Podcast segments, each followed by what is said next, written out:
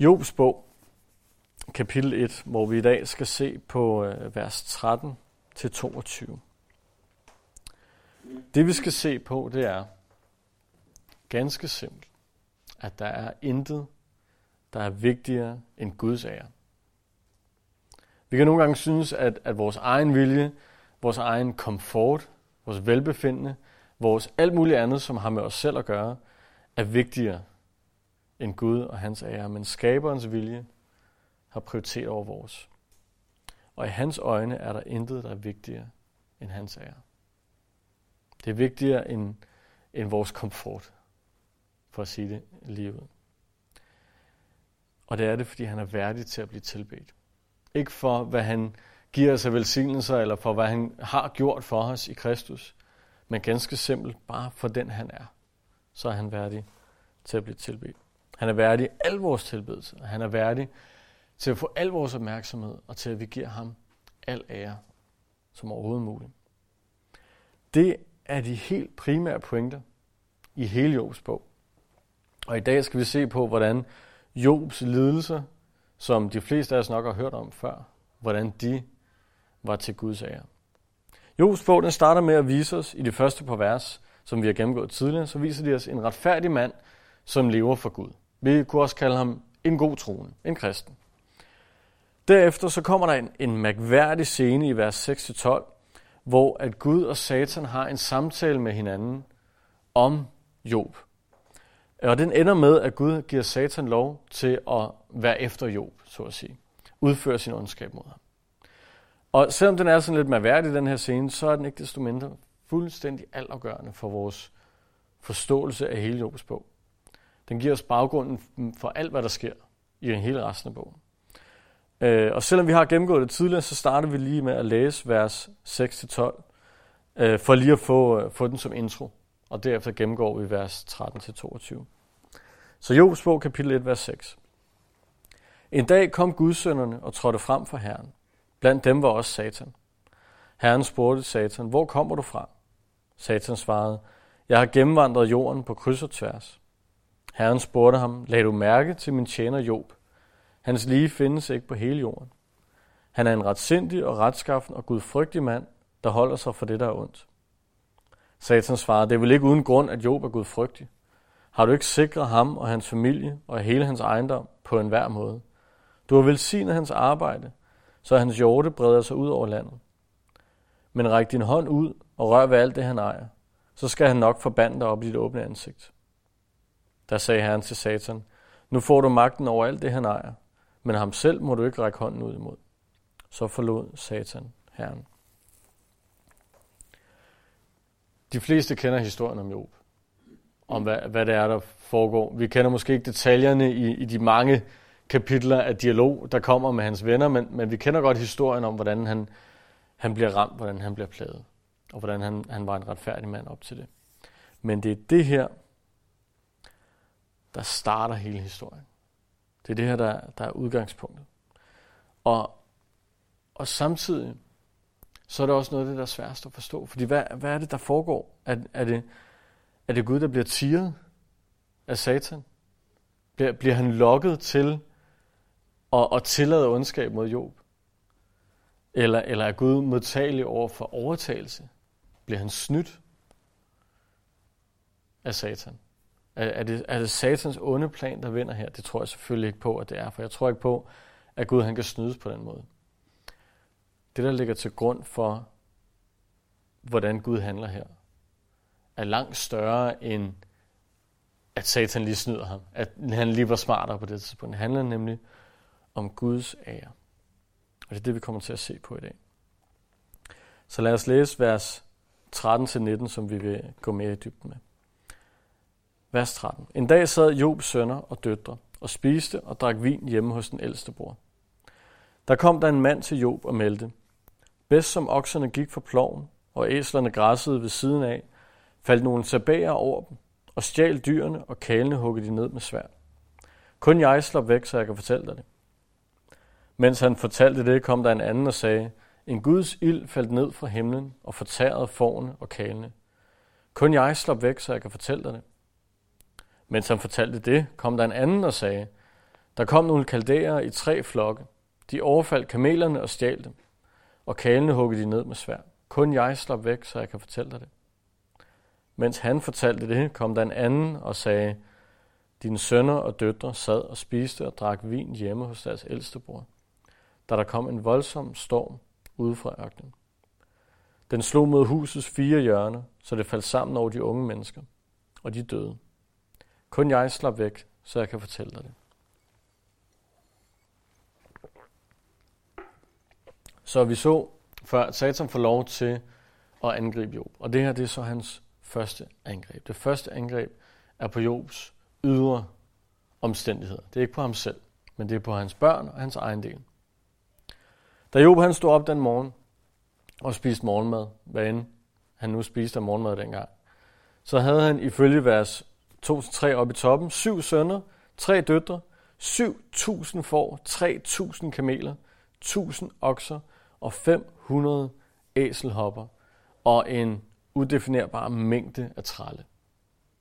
Det var hans rigdom den morgen. Et par timer senere, der havde han fire tralle. Det var de fire, der var undsluppet de her ulykker, og kom tilbage og fortalte ham historien. Og da lønningsdag nærmede sig, så har de nok heller ikke blevet, for der var ikke meget tilbage at lønne det med. Så Job, han er ruineret. Han er, han er ikke bare ruineret, han er fuldkommen ruineret. Fuldkommen frataget alt, hvad han havde. Det første, vi lægger mærke til i forhold til de her angreb, det er, at de kommer fra forskellige vinkler. De kommer fra mennesker, der bliver manipuleret eller brugt af satan, og de kommer fra vejret. Så i vores moderne sprog kunne man sige, at han oplever to terrorangreb, og han oplever to naturkatastrofer mod sin ejendom. Lad os starte med at se lidt på terrorangrebene. Der er tale om sabæere i det ene angreb og kaldæere i det andet angreb. Hvem de lige er og hvor de kommer fra osv. er ikke så vigtigt i den her sammenhæng. Sammenhæng er, eller det vigtige sammenhæng er, de her angreb, de, de udøver. Og det allervigtigste er at se, at de bliver brugt af satan. Og her er det vigtigt at forstå, at de her mennesker, de bliver brugt, manipuleret, men de bliver ikke styret af Satan. Og hvad er så forskellen? Jo, forskellen er, at Satan går ikke ind og sletter deres egen vilje og styrer dem til at gøre noget, som de ellers ikke ville have gjort og ikke kunne have fundet på. Det kan Satan ikke. Han kan ikke overtage vores vilje på den måde. Eller nogens vilje på den sags skyld. Men han, han manipulerer dem. Han bruger dem, han frister dem. Til at gå ind og sige, at ondskaben var i deres hjerte i forvejen. De var allerede mennesker, som kunne finde på de her ting. Og Satan går ind og frister dem til at, at pege deres, deres angreb, deres øh, tyveri, deres røveri, specifikt mod Job den her dag. På det her tidspunkt. Så de her mennesker, de står stadig til ansvar for deres egne handlinger. Ligeså vel som at vi kan blive fristet af Satan, kan blive ledt til at gøre nogle ting, eller fristet af andre mennesker for den sags skyld, men det er jo stadig vores handlinger. På intet tidspunkt kommer vi til at gøre noget, som ikke ligger i os selv. Vi har selv ansvaret for det. Satan kan ikke overtage kontrollen med nogen på den måde. Ultimativt så er forskellen på en syndig gerning og en god gerning, det er hvorvidt den gerning giver ære til Gud eller ej. Er det noget, der ophøjer Gud? Er det noget, der følger hans ord, følger hans vilje? Eller er det noget, der går i den anden retning? Det er det, der er forskellen på, om vi handler syndigt, eller om vi handler ret. Øh, og Satan, han, han forsøger alt, hvad han kan. Og tage alt, hvad vi har i vores hjerte, af, af ønsker om at gøre det rigtige ønsker om at leve for Gud. For det har vi alle sammen. Det er derfor, vi møder op i dag. Alt det, det ønsker Satan at dreje den anden vej. Til at være noget, der går imod Gud i stedet for. Hans ønske er at styre os til at vandære Gud, i stedet for at give ham ære.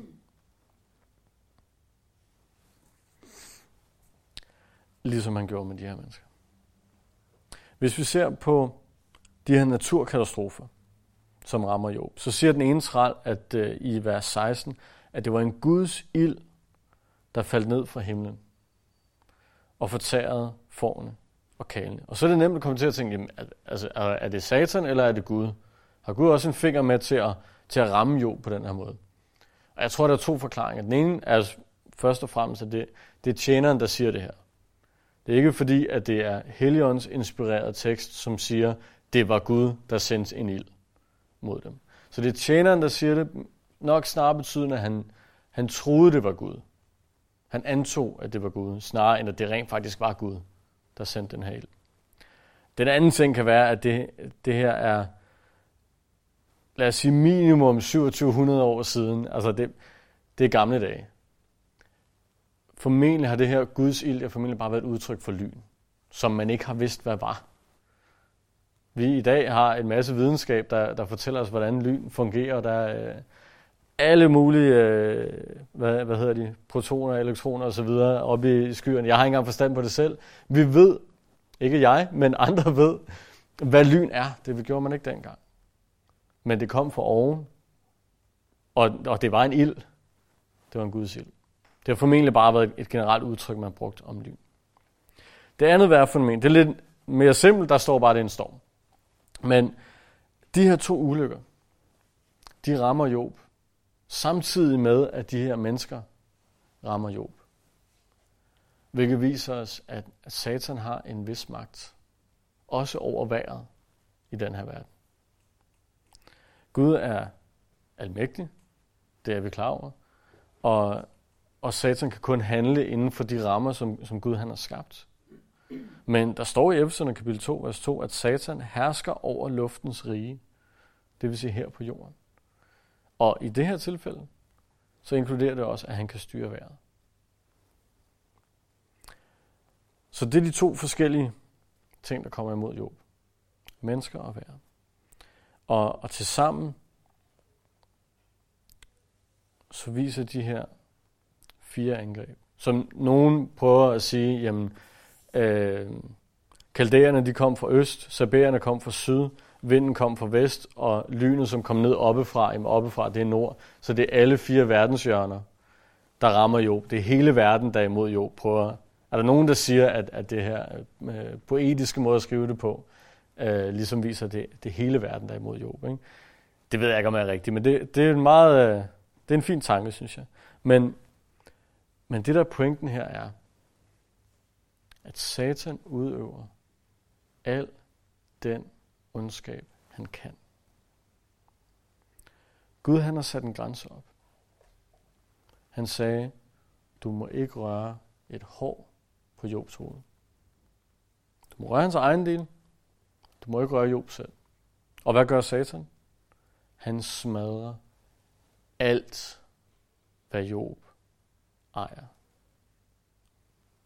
Alt. Fordi Satan han går så langt, som han overhovedet kan for at ramme os. Han ødelægger alt, hvad han kan. Der findes ingen grænser for, hvad han ønsker. Og det er ikke sikkert, det er det, du lige har tænkt, du skulle høre den her morgen, da du stod op og var på vej herind. For det er en dunkel tanke. Han gør det maksimale, han kan imod os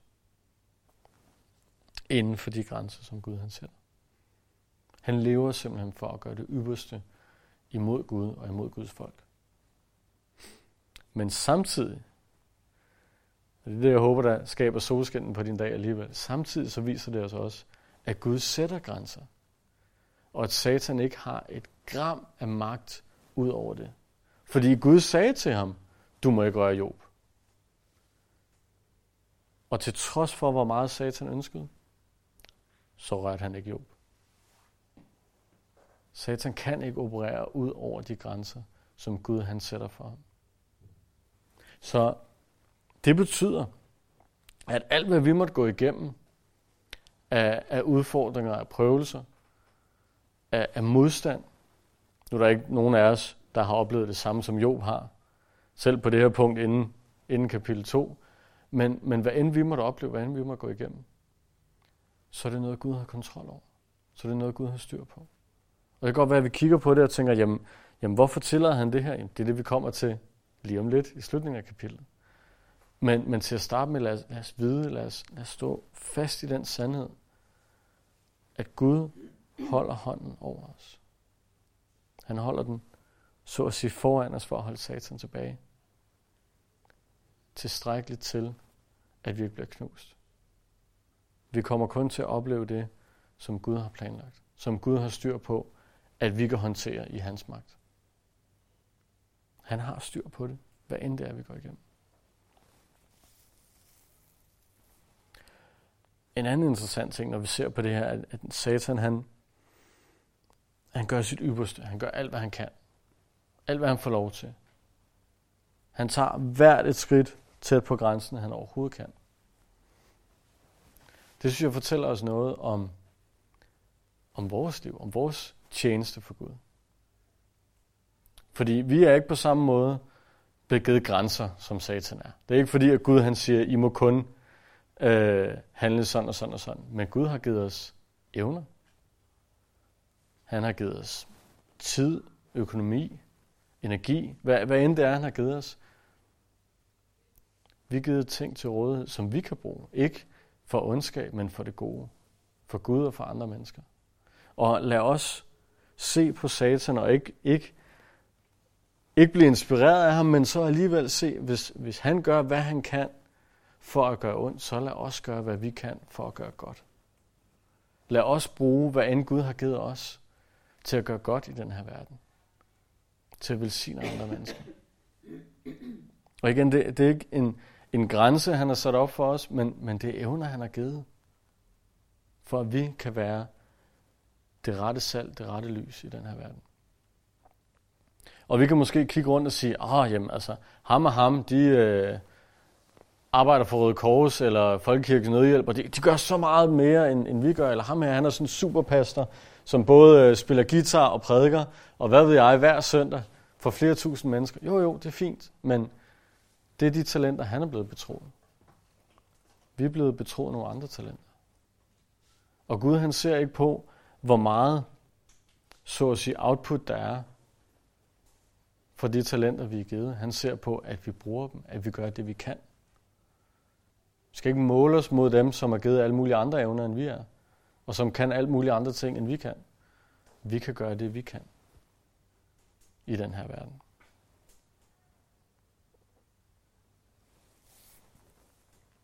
Når vi læser den her historie, så er det ufattelig nemt at læse kapitel 1, se at Job mister sin ejendel, og så gå videre, læse kapitel 2, se hvad der sker med Job, læse kapitel 3, og så ikke forstå, hvad der foregår, fordi de næste 40 kapitler er jo fuldstændig umuligt at forstå, mere eller mindre. Øh, de er i hvert fald indviklet. Men det, det, det er nemt bare at læse det, og så skøjt videre. Men, men det er din rigtige mand. Det er en historisk person, som oplevede det her tab. Det, det er ikke bare en, en, en fortælling, som vi bruger inde i Børgenkirken for, for at vise en sød pointe, og så løber vi videre. Det er en historisk begivenhed for en rigtig person. Når, når, vi, når vi husker det, når vi prøver at suge det her ind, hans tab og hans lidelse, så, så kan vi ikke lade være med at, at blive ramt af, hvor, hvor, hvor fuldstændig forfærdeligt det her er for den her mand at skulle opleve de her ting. Og vi, vi har kun læst halvdelen af det indtil videre. Det, det, det kan se helt urimeligt og unødvendigt ud, at han skal gennemgå det her. Og, og vi kan stå uforstående tilbage og tænke, hvad, altså, hvem kunne have fortjent at opleve sådan noget her? En ting er, er alle hans ejendele, men, men alle hans børn på en dag. Det kan være svært at se meningen i, men Gud han havde en plan. Gud var ikke overrasket over, hvad Satan gjorde. Gud han, han tillod det her, hvor, hvor vanvittigt det end kan lyde. Og Og det er her, vi skal holde tungen lige i munden, fordi det kan, kan, være, kan være noget af det, af, det, af det mest højtragende at forstå. Gud han tillod, at de her ting skete for Job. Fordi han havde en plan. Han havde en pointe. Han tillod, at et menneskes komfort og velbefindende blev sat til side til fordel for hans plan. For han kunne bane vejen for noget, der var langt vigtigere. Nemlig at i rette sætte Satan for hans tidligere kommentar om, at Job bare tilbad Gud for velsignelse. I rette sætte Satan og give ære til Gud selv. Fordi vi så der tilbage i, i den første del, vi læste, at Satan han siger, det, det han i, i realiteten siger, det er, Gud, du er ikke værd at blive tilbedt. Bortset fra, når du giver gode gaver. Det er det, Satan sagde til Gud. Job, han vil ikke tilbede dig, hvis ikke du vil sige ham.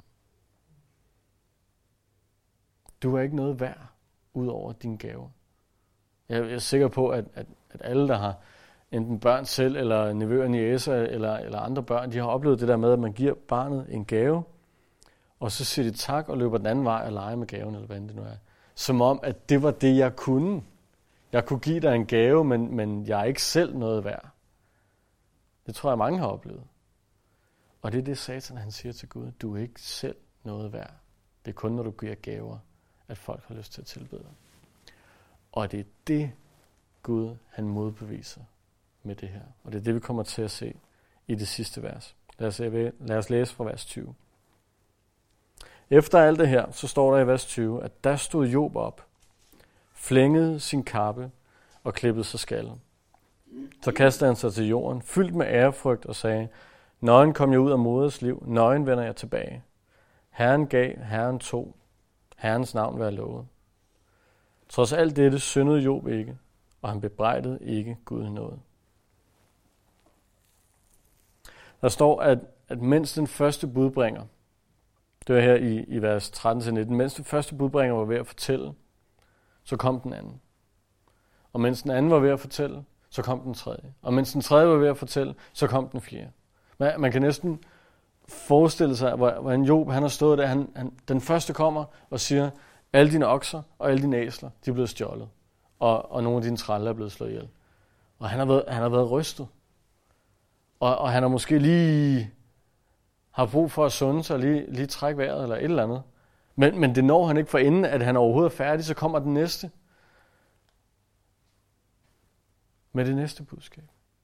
Og så, oh, hold da op, nu, det var mere, jeg lige havde mistet. Nej, nej, ikke, ikke, ingen tid til at tænke sig om, fordi så kommer den næste. Og siger, nu er alle dine egen dele væk. Og så der vil man jo måske normalt tænke, okay, giv lige mand en chance for at trække vejret.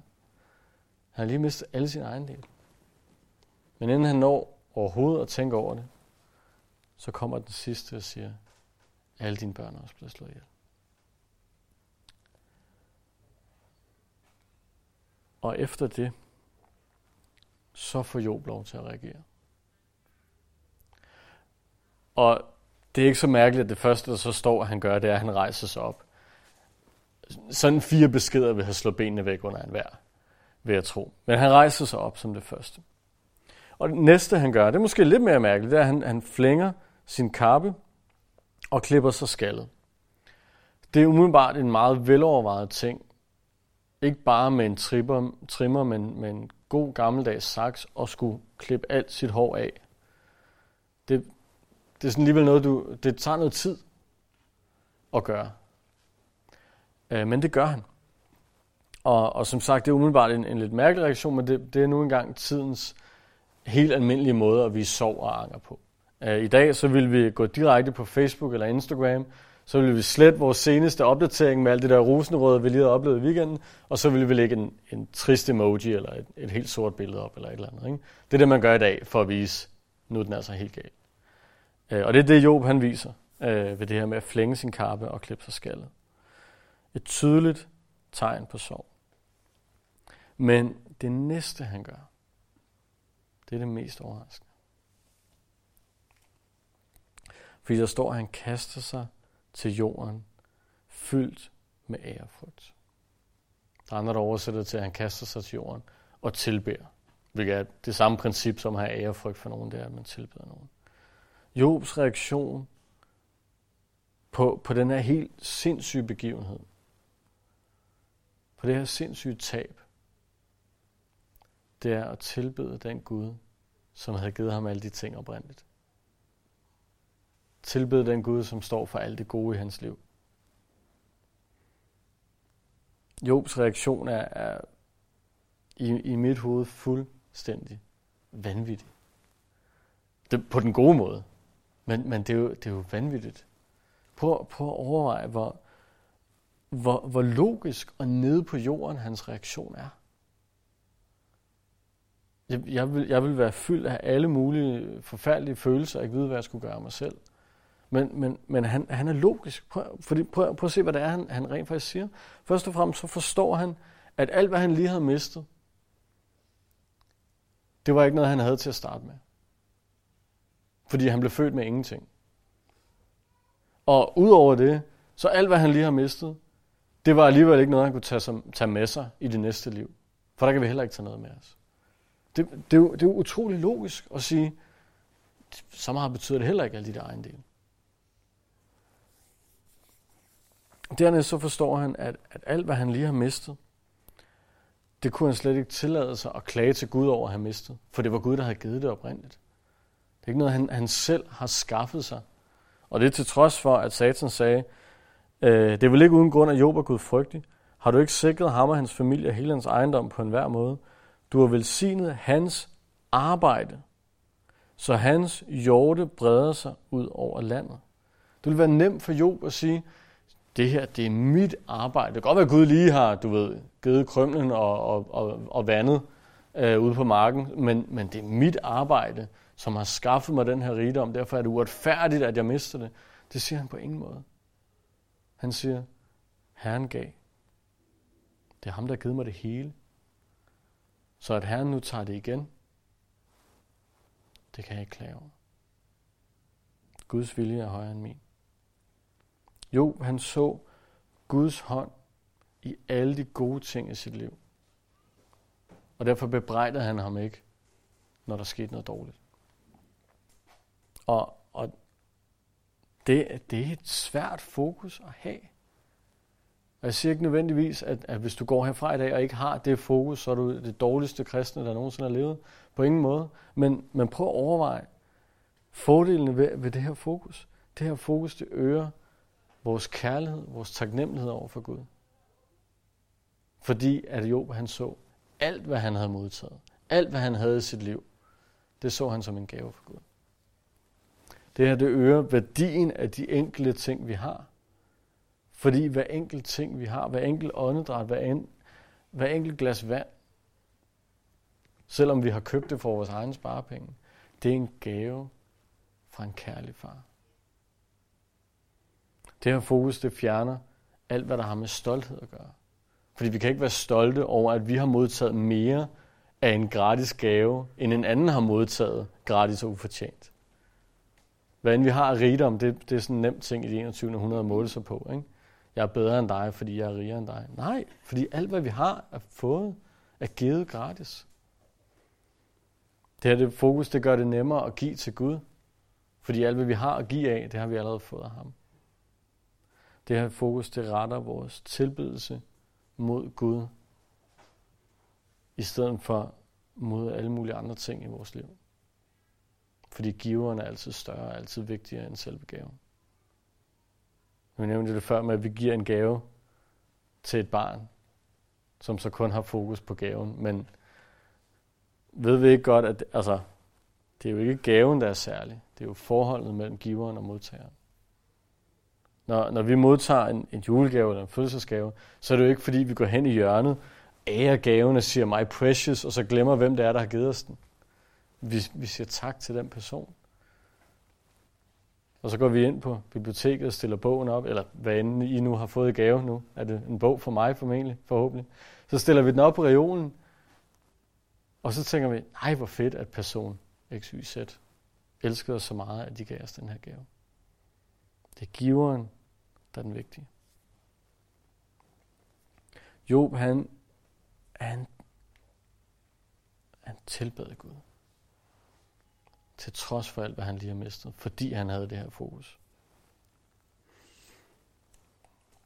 Satan, han havde, han var gået all in. Han havde sat alt, hvad han havde på, at Job han ville forbande Gud, når det her skete. Og i stedet for, så, så er Job ikke bare neutral, han gør det præcis modsat af, hvad Satan havde håbet. Han tilbeder Gud endnu mere, end hvad han gjorde før. Og så står der i vers 22, at han hverken syndede eller bebrejdede Gud noget. Og det er jo til trods for, at han, han anerkendte, at Herren tog. Det var ikke fordi, han sagde, Herren gav, Satan tog. Herren gav, en ulykke skete. Han sagde, Herren gav, og Herren tog. Og alligevel, så bebrejder han ham ikke noget. Han anerkender bare det faktum, at Guds finger var med i spillet. Og at Gud har ret til at give og tage det, han ønsker. Det var, kan man sige, det var, det var Satan, der udførte det her, men som vi også var inde på tidligere, ultimativt, så er det Gud, der har tilladt det. Og derfor kunne han sige, Herren tog. Job han anerkender i det her, at Gud han var værdig til at blive tilbedt. Uanset hvad han eller vi måtte gå igennem. Og det er netop det, der er pointen i hele bogen, men især i dag, især i de her vers. Hvorfor tillod Gud, at det her det skete for Job? Det gjorde han for, at hele verden kunne se, at Job stadig synes, at Gud var værd at tilbede. Til trods for alt, hvad han var gået igennem. Job synes stadig, det var værd at klikke synes godt om inde på Facebook. På Guds Facebook-side. Eller hvad ved jeg. Det var stadig det hele værd, selvom han havde mistet alt det her. Og det var det, der var Guds plan gennem alt det her. Og det var det, der var vigtigere end Jobs komfort, end hans velbefindende. Fordi på en eller anden dyb og underfundig måde, så fandt Gud det nødvendigt at vise både mennesker og engle og dæmoner, og hvem der ellers måtte kigge med. Han fandt det nødvendigt at vise dem, at han er værdig til at blive tilbedt. Og at der findes mennesker, som ønsker at tilbede ham i alle omstændigheder. Han var værdig til at blive tilbedt for den han er, og ikke for hans velsignelse. Og måden han viser det på, det er ved at tage den mest velsignede mand nogensinde, og forbande ham mest muligt nogensinde, og så vise, at den mand stadig ønsker at tilbede. Gud, han, han blev ikke snydt af Satan, da alt det her det startede. Han, han, han blev ikke forledt. Jeg tror, at Gud han vidste præcis, hvad Satan tænkte. Han vidste præcis, hvad Satan havde, havde i sinde at gøre. Ligeså vel som at da, da han første gang spørger Satan, har du lagt mærke til min tjener Job? Så vidste han udmærket godt, at selvfølgelig havde Satan det. Gud han vidste præcis, hvor ondsindet og neddragtig Satans plan var. Og uanset hvor ondsindet og neddragtig den var, så kunne Gud vente til noget positivt. Til hans ære for sit navns skyld. Det her, det er, det er Guds irettesættelse af Satan. For den tanke, han havde, da han siger, du er ikke værd at tilbede, medmindre du giver gaver. Og, og alt det her, det giver også muligheden for at dvæle ved den her tanke om, hvor stor Gud han egentlig er. Hvor værdig han er. Og det giver os også muligheden for at gå hjem og tænke over, er jeg kommet til det her sted? Er jeg et sted, hvor jeg tilbeder Gud for den han er? Og jeg siger ikke nødvendigvis, at du skal være klar til at opleve præcis det samme som Job, og som med det samme bare naturlig reaktion kaster ned og stadig tilbeder Gud. Det, altså, det her, det er, det er det ekstreme. Det, det er derfor, at han, han er der som eksempel i Bibelen. Det er fordi, han er det ekstreme eksempel. Men er vi på et punkt, hvor vi tilbeder Gud, ikke for den gave, han giver, men fordi han er værdig. Fordi han er vores skaber. Fordi han er større end noget som helst andet. Fordi han, han fortjener al vores opmærksomhed. Det er værd at gå hjem og tænke over. Vi kan selvfølgelig ikke læse det her, uden at tænke på ham, som Job han peger hen imod. Prøv en gang at slå op i Matthæus, kapitel 26.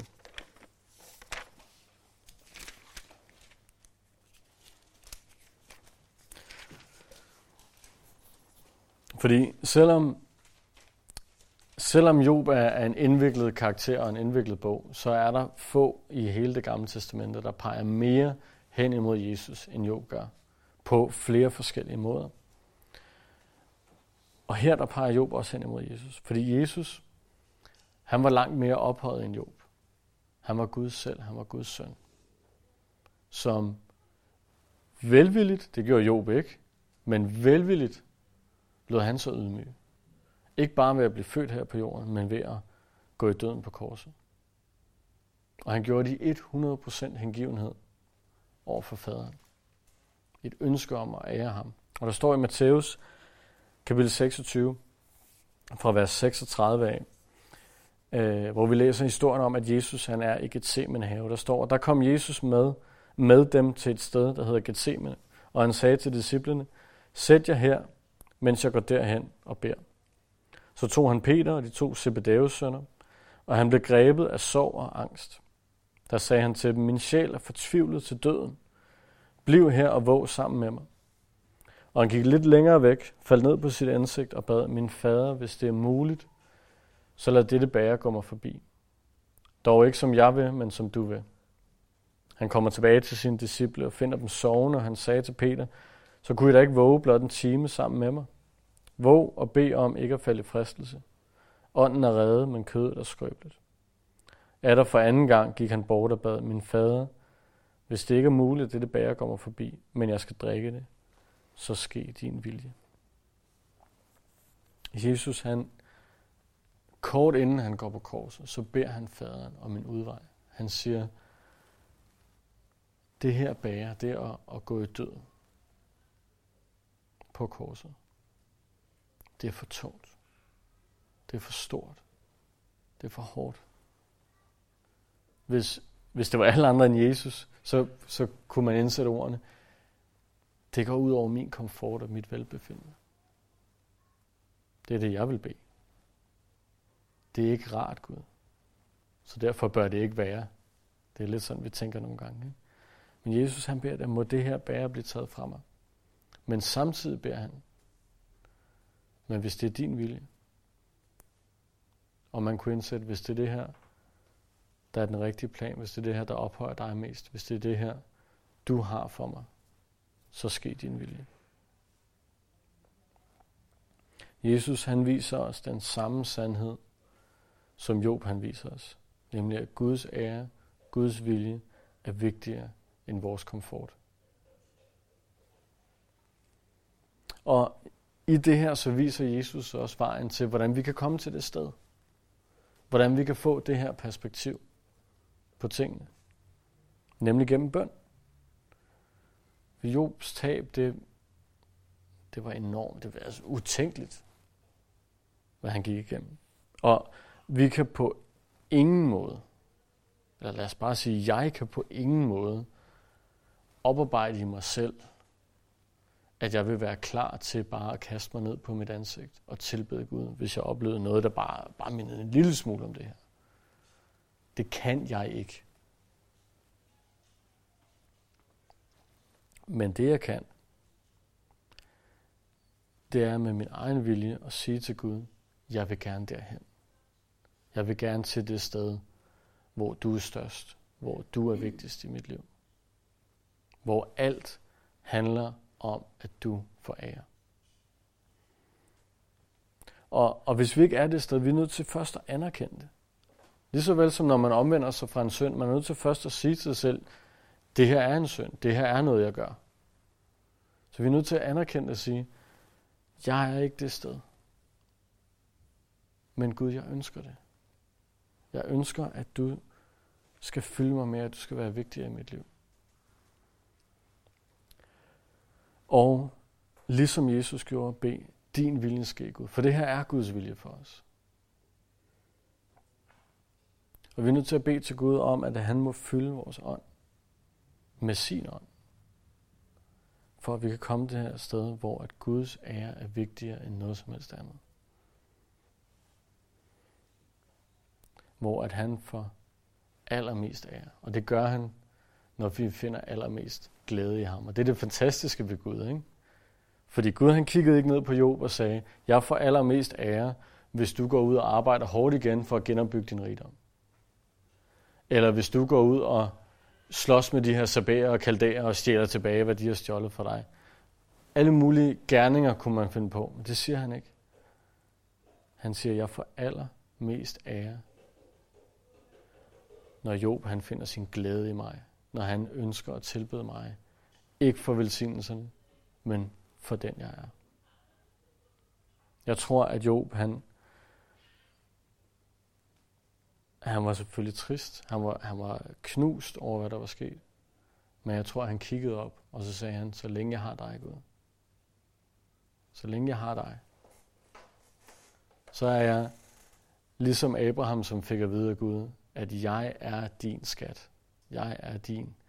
Og ved at sige fangst, jeg, jeg er din portion, står der på engelsk. Jeg er nok for dig. Og det er der, Gud får allermest af jer når vi finder vores allerstørste glæde i ham. Lad os bede.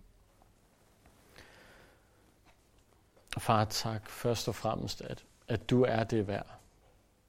Også selvom vi ikke nødvendigvis lever det øh, hvert minut, hver time, hver dag i vores liv, men, men vi ved, at du er det værd. Du er, du er størst. Du er mægtigst. Du er der, hvor at, at vi kan finde allermest fylde og glæde i vores liv. Herre, tak for det. Og den næste bøn er, må du hjælpe os derhen. Må vi gennem din magt, gennem din ånd, her blive fyldt til, at vi kan, kan bare nærme os det sted, hvor jo bare, at,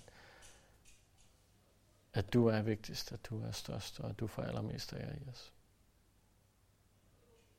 Her vi priser dig, vi takker dig, at du, at du har en mægtig plan. At du har styr på det hele fra start til slut. Og at vi ikke er, er offer for, for satans angreb, uden at du, øh, at du ved, hvad der foregår. Uden at du har kontrol med det. Her tak for, for den du er. Og tak for dit, dit offer for os på korset. Amen.